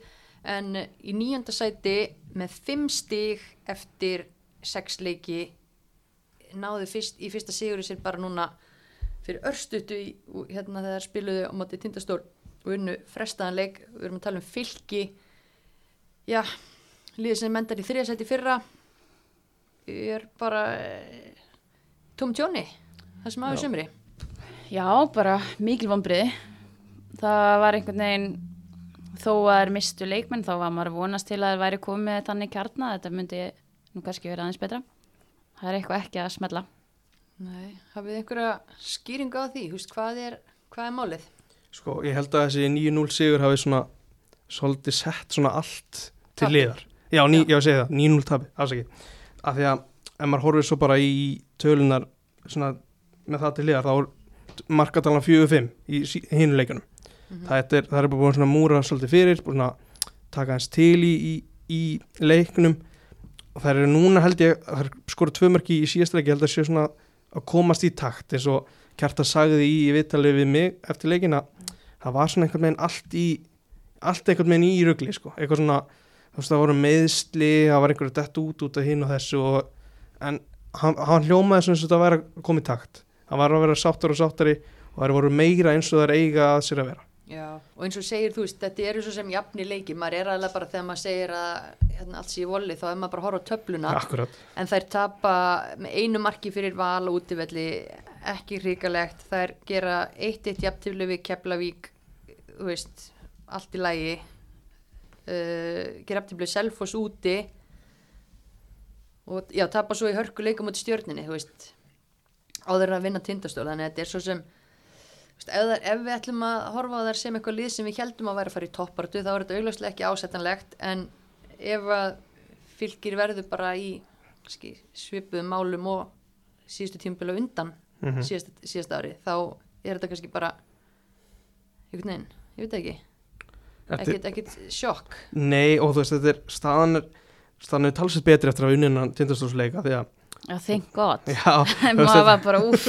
þetta eru, við erum að tala um að þetta eru sjö lið sem að geta einhvern veginn hort bara þannig sé núna í fjóruðasetti þú veist, nokkur er að geta hort ofar því að það er bara fimmsti á milli fjóruða og tíundaskil þetta er, svo, það er stutt á milli ennþá þetta er mjög skemmt, skemmtileg byrjun á mótinu og það hjálpa fylki klálega svona, það sé verið að reyta stig hvort að öðru sko mm Já, mér er kannski bara áhugjefni vera að þú veist, Bryndisarn er bara ekki búin að skora. Mhm. Bara í sex leikjum í deildinu og það er kannski leikmaður sem við vorum öll að horfa á fyrirmót að þyrfti að vera þeirra leikmaður til að skora mörg og, og eflaust kjartan að horfa í það líka. Hann tekur ekkert erlendan leikmann inn þar út af því að við erum að treysta á þetta og það er alltaf vondið bara eins og við finnum með val og elinmett og svona þegar að sendirarnir sem eiga að skora er ekki að skora. Og þá með að við hvað eru tæpi leikir þú ert að tapa með einu, þú ert að gera játtöfli þá vantar bara þetta veist, hún þarf einhvern veginn að koma sér inn í þetta og þá einhvern veginn getur þetta smolli hjá þeim. Af því að maður horfir alveg á þetta lið og veist, þetta eru bara frábæri leikmenn og, og kjartan veit alveg hvað hann er að gera. En svo kannski spila líka mikið inn í að Katla er búin að vera off já, með, hvað var hann ekki með högg og höfuhögg eða- höfuhögg Já. á móti, móti val en, en kom inn á síðustu tíu eða eitthvað á móti tindastól, mjög stert Já, og við, hún er kannski leikmar sem við vorum að horfa í fyrirmót líka að væri að fara að stíga upp svona fylla skarðina berglindar. Þannig að þetta er svona smá búið að vera kannski óhefni líka. Já, að þú talar um, um Bryndísi þá held ég að þú veist, bara hafandi hort á hann síðasta leika að Shannon, hún, hún er alveg að leita að Bryndísi, ég held að þetta sé alveg svona þetta er, þetta er allt í rétt átt sko. að hérna, Shannon er mjög góð til þess, þú veist, ég, ég var ekki búin að sjá hana fyrir þann leik, hún bara svona, mér varst hún stýra sóknarleikinu svona frá að til au sóknarleikinu var enda mjög furðulegur svona að mínum að það voru svolítið, að, svolítið mikið að svona drífa sig að skjóta markið Já, ákvarðantækja var ekki Nei. góð og svo var maður alveg fann að hrista hausinu þessu stuttu hotnum en þá náttúrulega auðvitað skoruðu Já, það úr bara einu um leið. slíku en, en hérna Það er alltaf svo leiðis. mm -hmm. alltaf þannig en, en ég er sammála en, en með Shannon Simon leikmaður sem að við sáum hvað gati í fyrstu hildin en fyrir eh, einhverjum tömur árum og við vorum svona að meta ræðurum við tempóið í maxinu ég held að mun gera það Já. Þannig að já, eins og segja, þetta er í rétta átt, það er að leita að henni, þetta mun koma. Þú veist, hún þarf bara einhvern veginn núna að brjóta í sein og ef það gerist, þá er fylgir, getur alveg komið í gott ról. Og það er mikilvægt fyrir það núna að bara snúa þessu við strax á meðan að pakkinni þjættur og nokkri sigrar komaður ansvo öfulega í töflunni. Já, það hefur verið ansið mikið högg ef að Amber hefði skorað hann á eftir hotni í uppbóðtíma Það- þá hefði við verið að tala svona á öðrum nótum held ég. Já, þetta var mikil 60 leikur fyrir Já. fylki. Já, og fylgir er að fara næst í laugadalinn á móti þrótti og það hafa alveg verið skemmtilegi leikir í gennum tíðina líka. Já, mikið fjör og, og mikið gaman þannig að já, já, það er bara 100% verið að vinna þann leik til að koma sér ofar í töflunni og sína aðeins að, að þær eru fylgir og ætli sér einhverja hluti. Já. Uh, stíi neðar en fylgir í tíundasæti bótsætinu tindastóll, nýliðar með fjög stíg, búin að gera jafntefli í fyrsta leik á móti þrótti og unnu svo IBVF, mitt sigur reyfar eigar konur uh, en uh, búin að tapa fjóruleikjum í röð núna og maður sé svona þú veist, Muriel búin að vera meitt, Amber búin að vera tæp og þá fer maður svona kannski aðeins að velta fyrir sig hvort að maður hafi mögulega haft eitthvað til síns máls þegar maður talaði um að þetta væri kannski svolítið brotætt þó maður vissi alltaf að það er stemning og gæði í fyrstu 11 en ef þú missir líkilmenn út þá svona, það er ansi erfitt að kofra það. Já, það, þetta er alveg vera smá brekka og, og síðasti leikur hjá þeim á móti val var erfur. Þú veist, maður sá alveg að þær er reyna og þær er búin að gera vel á móti breyðarbygg, sína alveg að geta haldið, en valur einhvern veginn bara brauta þær aðeins og vonandi náður að svona hýfa sig upp eftir það, en það er mikilvægt að þessi leikileikmenn séu heilir, af því að það byggist bara, ég myndi segja allt spil upp á þeim. Já, það eru hryggurinn í Já. þessu mm, Hvað er svona orða á göttuna norðan, hvernig, hvernig hvað segir Sæbjörn? Uh, ég mynd, þú veist, að ég horfði bara í leikina sem maður hefur spilað þá hérna, það getur verið rosalega svektar með leikina móti þrótti á móti þór og í rauninni að hafa ekki tekið stig á móti breyðablik en svo er það akkurat það sem það mega alls ekki gera horfa í þessi leiki. Mm. því þetta eru bara góða framistöður og þú veist þessi fylgisleikur er heldur ekki slæmur þannig séð því að varnarleikur er bara fín en það þurfa einhvern veginn að að ná að loka stígun og það gerir þú ge- gerir það oftar með múri í liðinu, ég held að það segir sér bara sjálft og þú veist, það er, mér finnst það bara að vera líkillin þú veist, maður talar það kannski of mikið upp það er bara líkillin að hún sé heil og hún sé inn á vellinum þegar hún tekur óbúðslega mikið til sín og skora fullt af mörgum yfirleitt Talandum að taka til sín, hvernig væri hún, hólfrjóður og brenna saman fremstu þrjár? Það verður sikk. það væri rosalegt dæmi sko. Það verður gaman að sjá. En mér samt bara hrúsa á tindastól fyrir bara góða framistu af því að það var eiginlega bara, þú veist, það var geggjað að horfa á tindastól í BVF maður einhvern veginn gæti ekki annað en samglast með þeim að vinna fyrsta sigurinn í úrvalstild og hvað þá á króknum og svona þetta skapaði stemmingu. En að sjálfsögðu búin að tapa síðan en það er samt bara stert að vera komið með sigur. Og veist, það getur alveg fleitt þeim áfram líka. Þær eru ekkert að skítapa fyrir neinum og jú, jú, Valur kannski svona stærsti en, en svona þær óhefnar líka þar að Valur bara svona small. já, það er svona þeirra dagar hjá val Já, Það Valur heldur ekkert búin að vera sína þannig framistöðu þannig að mér finnst þær skemmtilegar. já, þú veist, þess að segi ég bara að ná sér sigri ég, veist, ég kom, ég fór og horfði á, á tindastóð Þórká bara svona þess að upplifa stemningun og þú veist, það er svona mjög jákvæður andi kringum þetta allt. auðvitað, þú veist, kannski gefur mér sér bara því að það er að komast í fyrsta sinn upp í efstu deildar, hún komið geggjur stúka Mm þú veist, það er bara, það er mjög þetta er jákvætt og það er allir ógeðslega ánæði með þetta verkefni og það var, myndi gefa þessi svo mikið að þeir ná að halda sér veist, kannski fullt snemt að tala um það en bara halda sér uppi, halda sér gangandi í eitt ári viðbútt og svo byggir bara og byggir alltaf vona Já, og einmitt eins og okkur finnst óvænt að, að þessi svo köllu, þú veist, topplið síðustu ára séu búin að tapa stigum, þá er líka alveg mjög áhugavert að það er öll lið búin að vinna leik og það er Já. heldur ekkert eitthvað sem er er alltaf að gerast, þannig að það er öll, búin að, öll lið búin að fá nasa þegar því hvernig er að vinna fótboltaleik og, og flest lið er búin að, eða þú veist öll búin að vinna leiki sem að er bara rosa statement í að vinna, Já. þannig að þú veist, Og tindastóll að gefa liðum bara alveg leikið, þú veist, þær eru ekkert að gefa þetta eftir og þannig að það, það býr helling í þeim ef að leikilmenn eru heilir og það verður alveg spennandi að sjá þetta. ef þú ætti að tippa á það núna þú veist, ég veit að ljóta hendur Mhm. en hvaða tvö lið falla ef við, við lín, rínum í þessa fyrstu sex já, þú byggir ekki um lítið sko. Við erum að peppa hérna. Og verður að segja þetta. hrósa, slá niður og hrósa aftur Já, samlokað rétt. Herðu, ég skal byrja. Í miðan við fyrstu sex, þá ætla ég að bomba svo tindastóla þorka. Sorry, sorry Sæbjörn. norður og niður.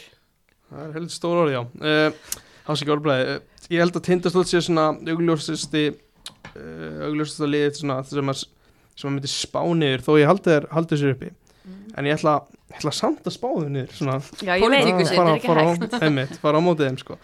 uh, svo held ég að Kóttu með það. þú sagðir á hann sko. Þór Káa fyrir niður já, Búm, stór orð frá búm, búm, herra Norrlandi. já. já, þetta er bara ekki hægt einn sko. verður skammaði meira en einn held ég sko Já, ég mín orð gleymast. það sími fyrir á mjút og Nei, nei, en auðvitað eins og við erum að tala um, þá er þetta svo opin pakki að þetta er ljót spurning mist. já, sorry, tekið á mig en ég ætla samt að spyrja ykkur Íslandsmeistarar eftir fyrstu, fyrsta þriðjung Ég ætla að segja valur. já, ég spáði val fyrir mót og ég held mér bara við það en svona, til þess að ég krossi aftur sko, ég er auðvitað búin að spá Þór Káa og Tindastól haldi sér og falli þannig að Mhm. þið getur bara lesið þetta eins og þið viljið sko. Já, já, lesum þetta eftir hendi sem ég bara En hérna uh, Við búin að komast að þeirri nýðustuð að þetta er búin að vera stórgalinn og stór skemmtileg deild. Uh, Við veitum ekkert hvað gerist, allt getur gerst. En við ætlum líka að fara svona yfir nokkra flokka. Og við hérna ætlum að gera það hérna í setti en við ætlum líka að gera það með aðstóð fylgjend okkar á Instagram því að það var aldeilis undirtökur hérna í gær þegar við hendum inn nokkrum spurningum. Og ég ætla bara að byrja að spyrja ykkur umförum 1 til 6 hverja hafa verið bestu stuðningsmenn Pepsi Max Ég hendi svo á þróttarastunnismennina. Lifi þróttur, Köttararnir, köttararnir.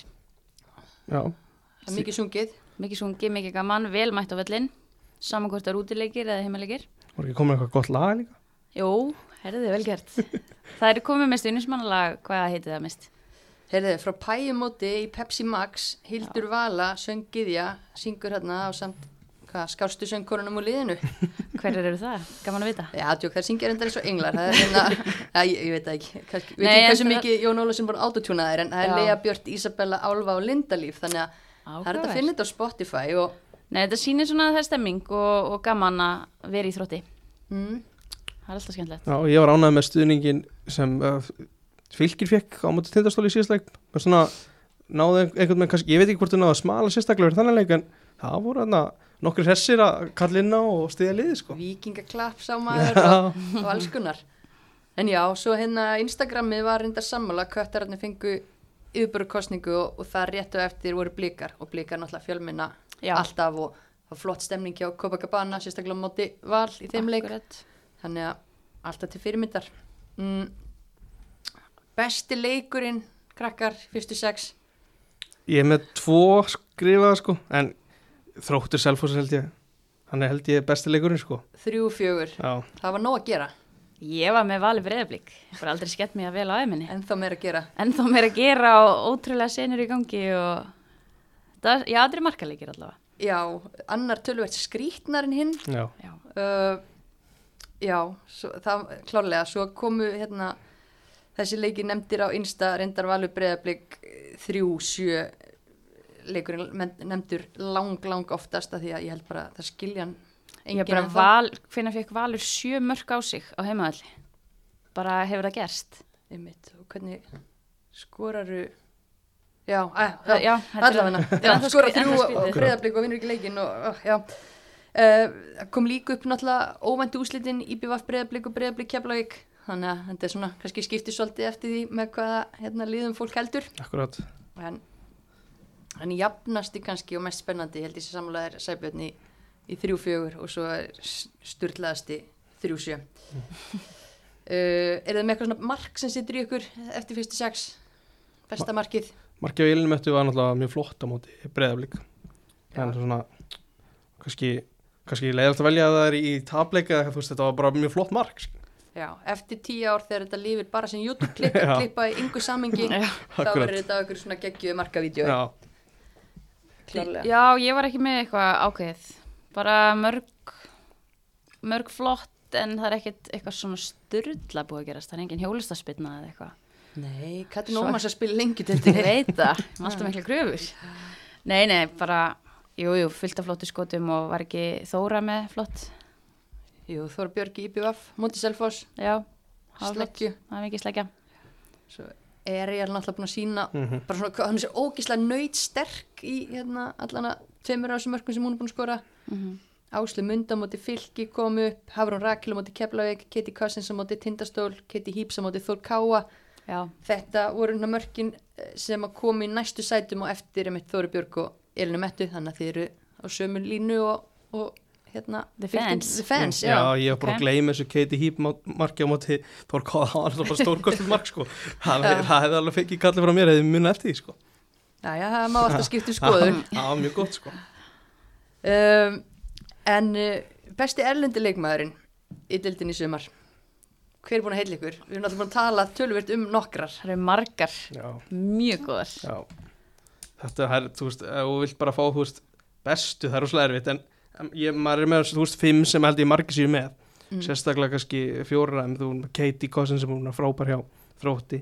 Þú er með Brennu sem er búin að skora sex mörg og með DB sem er búin að skora sex mörg mm -hmm. Ariel er að koma mjög sterk inn.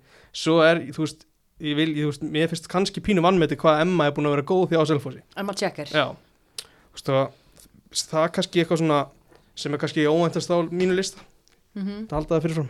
Já, ég er bara með sömu markaskóra nöfnin Já. sem er bara svona augljósast í rauninni út af þær hérna taka mikið af fyrirsögnum núna Mhm. og búin að vera skora flott mörg og markaðistar í deildinni. Lokar hendin inn nafni því að við erum að tala um að taka fyrirsagnir og að gefa einhverjum aftar á vellinu vægi Tiffany í. Keflavík getur tekið undir það líka hún er búin að standa sér mjög vel og hérna við erum bara gaman að fylgjast með henni vaks og dafna en þá kemur hérna kemur einn svona leiðinda sem ég ætla ekki að svara, þetta ykkur svara. Hvaða, hérna, hverjum viljum við sjá meira frá Hvað er leikmanni eða? bara, þú veist, þið megið alveg hendi svo á Lið. þjálfara, lið, leikmann, stuðningsmenn auðvitað vill maður vera búin að sjá meira frá Elinu Mettu. Við getum alveg bomba því á hana út af því að hún er sennilega með þær sumu kröfur að sjálfa sig. En hún skoraði tvö á móti tindastól, þannig að það er sennilega komið. Já, Þurfum ekki að Það er ræða það það meir. Það er bara komið. En jú, líka kannski, ég meina, Bryndís, eins og hún segja, hún þarf líka að skora og þetta er svona bara, þú veist, maður vill sjá meira frá þeim af því að maður veit alveg hvað býr í þeim. Já. Mhm. Það sem að þarf að, þú veist, ef við, ef við höfum flokkin þess að við viljum sjá meira frá er náttúrulega klálega að Múri Elver bara heil það er svona, þú veist, þá er maður ekki að gaggrina hana fyrir, fyrir spilumennskuna heldur bara að hún er ekki búin að vera með í Mhm. öllum leikjum svo er það svona það sem ég svona alltaf bí, er að býða eftir að, að, að sjá springa út er Kari Marja hjá Þór Káa sko. Ég, ég vil sjá meira, ég vil bara einhvern veginn sjá hana meira í boltanum, finnst hún bara oft einhvern veginn tínt, en það er kannski kannski er það bara á hún að vera þessu hlutverki en, og það er ekki að hefnast í leikim Nei. En Það- þá já, kemur um með þetta, þú veist, eins og segir vonbreiði að við erum ekki búin að sjá meira frá mjúrila því hún er meitt, en svo er kannski líka bara mitt upplegið og hvaða hlutverk leikmenn eru Mhm, í akkúrat. núna, ég meina, getum ekki sagt að Bryndís og Elimetta sé búin að fá okkar brjálaði þjónustu til dæmis í þessum fyrstu leikjum. En, en þú veist, fólk vill alltaf sjá meira frá skærustu stjörnum liðana, það, er bara þarf að finna þær samt og liðið þarf að spila vel undir þeim líka til að þær virki. Þannig að þetta er svona, þetta er ósækjant en hendur Já, sá já, þér hendum þess að svo, þú veist, svo er ein sem ég er með líka að lista sem að hafa mikil press að setja einhvern veginn á hana fyrir mót. Það er Telma í markinu hjá Breiflik ég bara, þú veist, hún er hún var valin í einu í landslinni ég veit ekki hvort að það hjálpaði henni. Og svo er hún búin að vera svona, svona shaky ef maður notur einskórið búin að missa bolta og svona, veist, þetta er ekki alveg alveg eins og maður, veist, það haldið að markverður í Íslandsmistaraliði væri að standa sig en veist, hún að pottið eftir að koma bara sterkari eftir þetta sko. já, algjörlega Já, þannig þá skulum við fara úr einhverju svona lala yfir í eitthvað mjög skemmtlegt besti ungi leikmaðurinn við tölum um að það er útlend, erlendi leikmaður búin að slá í gegn, það er alls margir ungir líka búin að vera að gera gott mót. Hvaðan upp svona kom fyrst upp í kollinu á ykkur? Ég var fyrst að blað með Hafrúnir Rakel.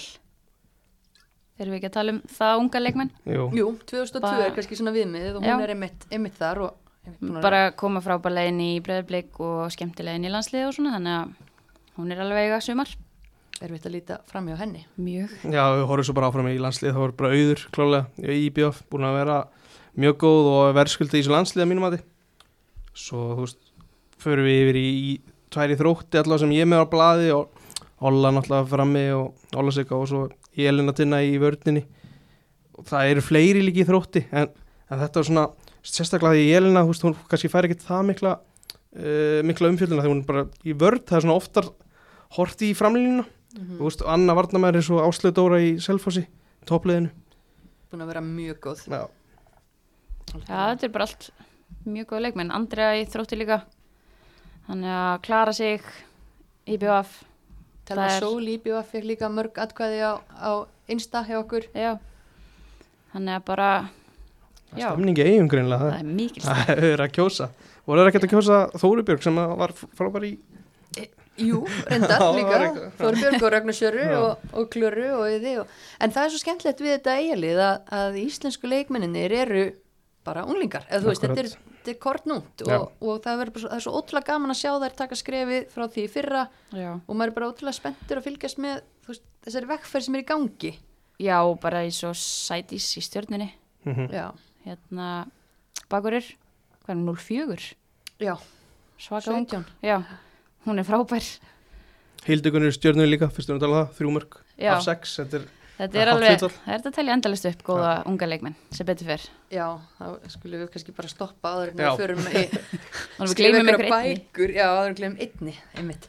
En hérna, sko, mestu vombriðin, það kannski tengist aðeins eh, því sem að við vorum að tala um, en að því við vorum nú bara að nefna leikmenn í, í fyrri flokknum um hvað við vildum sjá meira, hvað, hérna, hvað er valdið ykkur mestu vombriðum?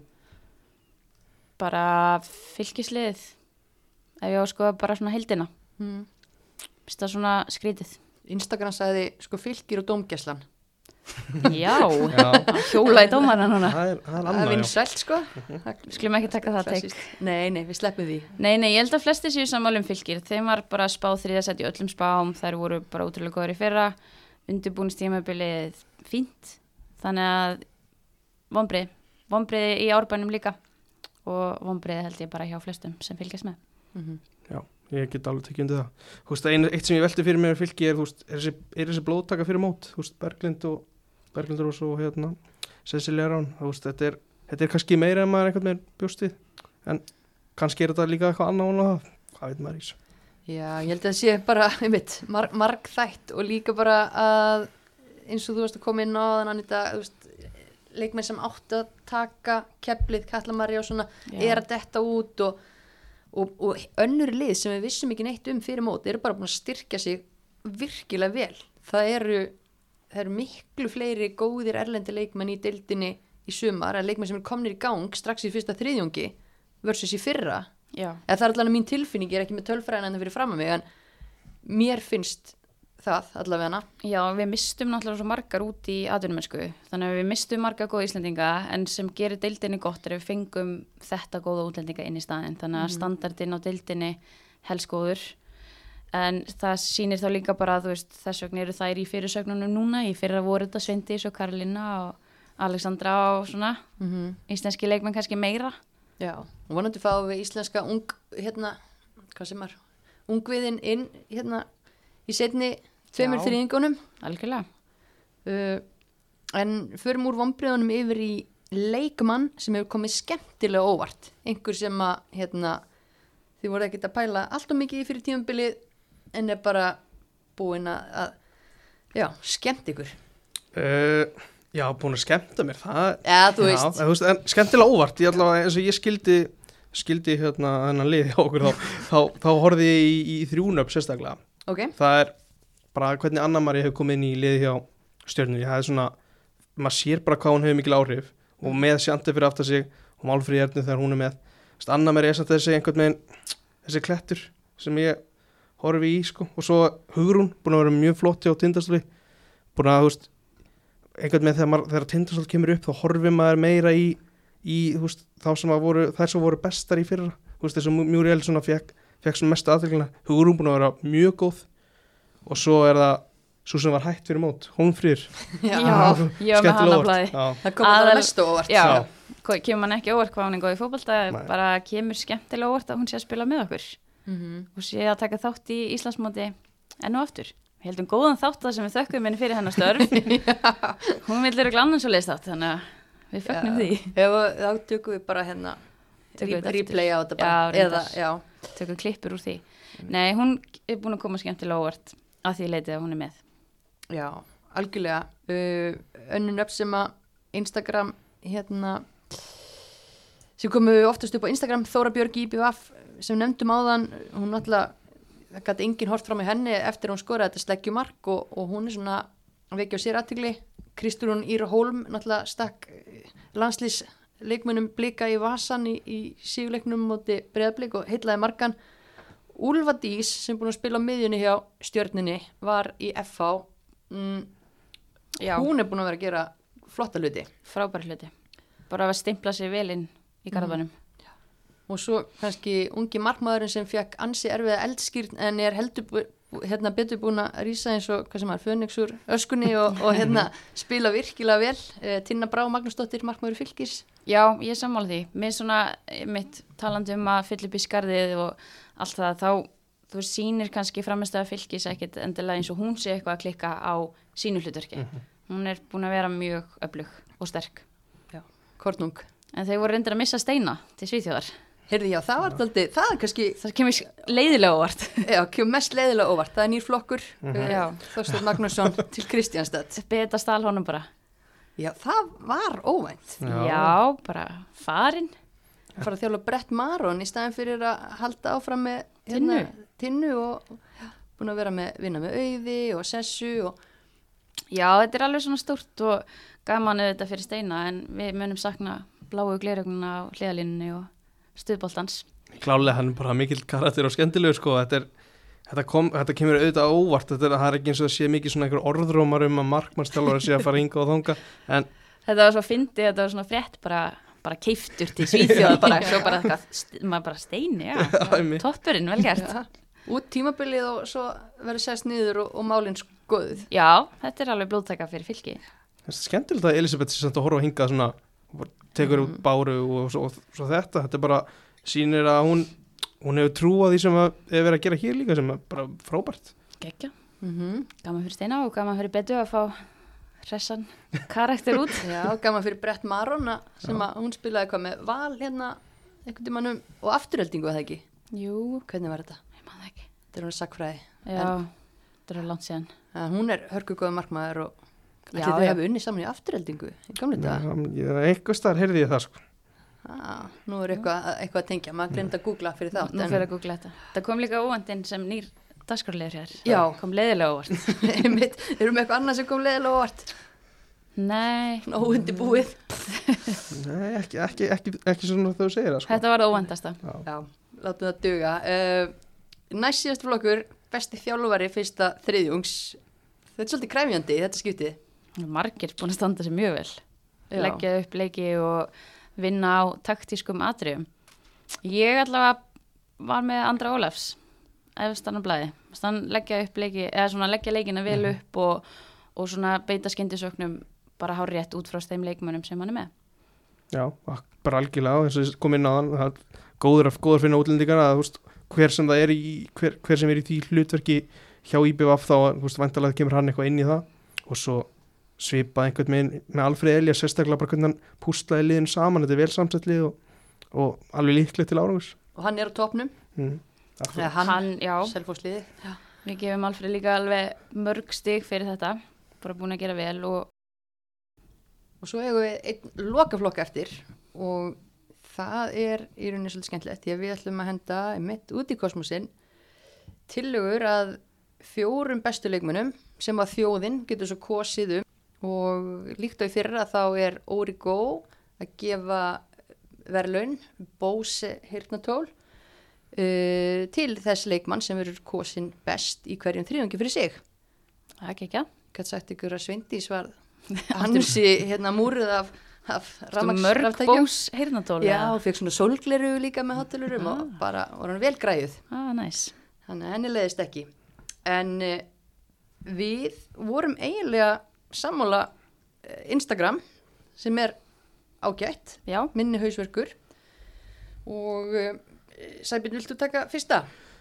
Já, Áslumunda Gunnlaugsdóttir, hún hefur bara farið frábæla af stað í þessum móti og bara ótrúlega gott að sjá hana, þú veist, komna aftur eftir erfitt tíðanbíl í, þú veist, fyrra, hún spilaði lítið og var að við meðsli og svo fikk hún COVID og þú veist, alls konar vesinn, En- Mhm. bara sína á, hún er eitt besti leikmaður deildarinnar og, og fer væntalega út þegar að það stendur til búa, hvort hún sé að fara til Har í Harvard eða hvað það er, sko og hún bara, hún er eina fjórum klála sem er tilnæmt Algjörlega, Anita, þú voru að koma í jafn góða ræðu um næsta leikmann svo að þetta eh, full, hérna, fylsta jafnvægis Úff. verið gætt. herði, ég tek, það er næsta nafn, Agla Marja. Já, Hún er búin að eiga frábært sumar og bara líkil maður í breyðablík. Toppaði frábæri framistuðu með frábæri marki með landsliðinu. Að frábært oft núna en það er alltaf leið. En hún, já, síndi það bara með landsliðinu hvað hún er mikill geðaleikmaður, tók hérna fárálega gott töts og kláraði eins og atvinnumæður í fjærhjóttni niðri. Þannig að hún er verðug af þessum heyrnatólum, eina fjórum. og fjórum. Ok, hverjar aðrar eru við með? Uh, já, er Brennaló vera er búin að skora 6 mörki fyrir topplið ætlum við ekki að vera með hann á þessu lista Klárlega. já, bara ég, við tókum svo góða ræðum hann áðan ég held að við séum bara nok nokkuð góð þar sko. Já, ég hvað heitir hún fullu nafni vinkon ekkur á Vestmannum DB, já, hvað er De Delani Bay, skemmtilega að segja það rétt. Delaney Bay Pritam. já, Já, hún er mitt er eina af fjórum líka. Já. Nei, hún er búin að líkilmaður í Vestmannum og hvað með sex mörg? Sex hún mörk og Brenna eru markaðistar í deildinni, ekki satt? Jú, Agla Marja með fimm hann réttu eftir. Já, Uh, jú, algjörlega, ég meina báðar bara búin að koma eins og stormsveipir inn í sín lið og inn í deildina. Oft þurfa leikmenn langan tíma til að aðlagast bæði liðum og nýjum aðstæðum og öllu en það er einhvern veginn að smetla eins og flýsveras og hérna bara klárlega Mhm. ótrúlega, ótrúlega góðar og ég hlakka mjög mikið til að fylgjast með þeim og, og auðvitað hinum tveimur það sem eftir lifi sumars. En fólk getur sett farið inn á Twitter valið sinn besta leikmann fyrsta þriðjungs og svo hefna fær glæsilega velun í bóði Origo Bose Hirtnatól skemmtilegt. Aha. Já. Já, uh, en þá held ég að við svona búin að fara svona yfir það helsta í þessum fyrsta þriðjungi, eru að gleyma einhverju? Nei, held ég ekki, ég vildi bara fara vel yfir þetta, fara yfir hvert lið og, og bara eins og enn og aftur, þetta er bara, þetta er ótrúlega skemmtilegt, þetta er að fa- fara aftur að stað núna um helgina, heldur svo fram á mánudegin, þetta er bara veistla framöndan. Já, maður getur ekki spáð fyrir neinum leikjum lengur. Við Það er elskum við þetta. elskum þið Pepsi Max deild 2021, það er bara þannig. Ekki valda okkur vombriðum í, í setni tveimur þriðjungum. Nei, það er bannað. Er einhver líkur á því? Er ég að drinks eitthvað eða? Sennilega, en vonum það besta. sko. Nei, við neytum því. En hérna, við hefum eitt eftir af því að eh, eins og alltaf erum við hérna í bóði, já, Dominos búin að borða á, á okkur gott gat, uh, en við erum líka hérna í bóði heklu, bílaðum bóðs og við veljum alltaf hekluna í hverju þætti. Og það er einhver uh, flott fyrirmynd Mm sem að, já, tengist fótbolta á einn eða annan hátt og er að gera góða hluti, oftast tengt fótbolta, ekkit endilega, bara einhver, einhver geggjur típa. Og við vorum með gott nafn á, blaði, þetta er svona svolítið inspired by hérna landslíkinir, Mhm. hver ætlar að taka skarið og opinbera. Þú mátt taka þetta á þig. Krisbjörg Helga Ingadóttir, það er kannski þarnast frekar útskýringar er það ekki mist fyrir suma. Jú, hún er betur þekkt af gælunafninu sínu, eða ekki? Jú, Krissa. Krissa. Og hvað getum við sagt uh, áhverjandum um hana Krissu? Akkur eru að velja hana sem hekluna? Hún er, hvað er hún ekki liðstjóri í alansliðinu? Mm Já. Er hún, hún er búin að vera bara að vinna mikið í kringum landslið og svona, hvað maður segja, öruglega stór þáttur þar myndi segja. Hún er svona stuðbolti, mikla reynslu, búin að þjálfa, búin að spila, búin að eignast fullt af góðum fótboltabönnum í þokkabót þannig að hún er mikið inn í fótboltanum en þá. Ætti heiðurinn skilið einn og sér bara fyrir það? Já, algjörlega.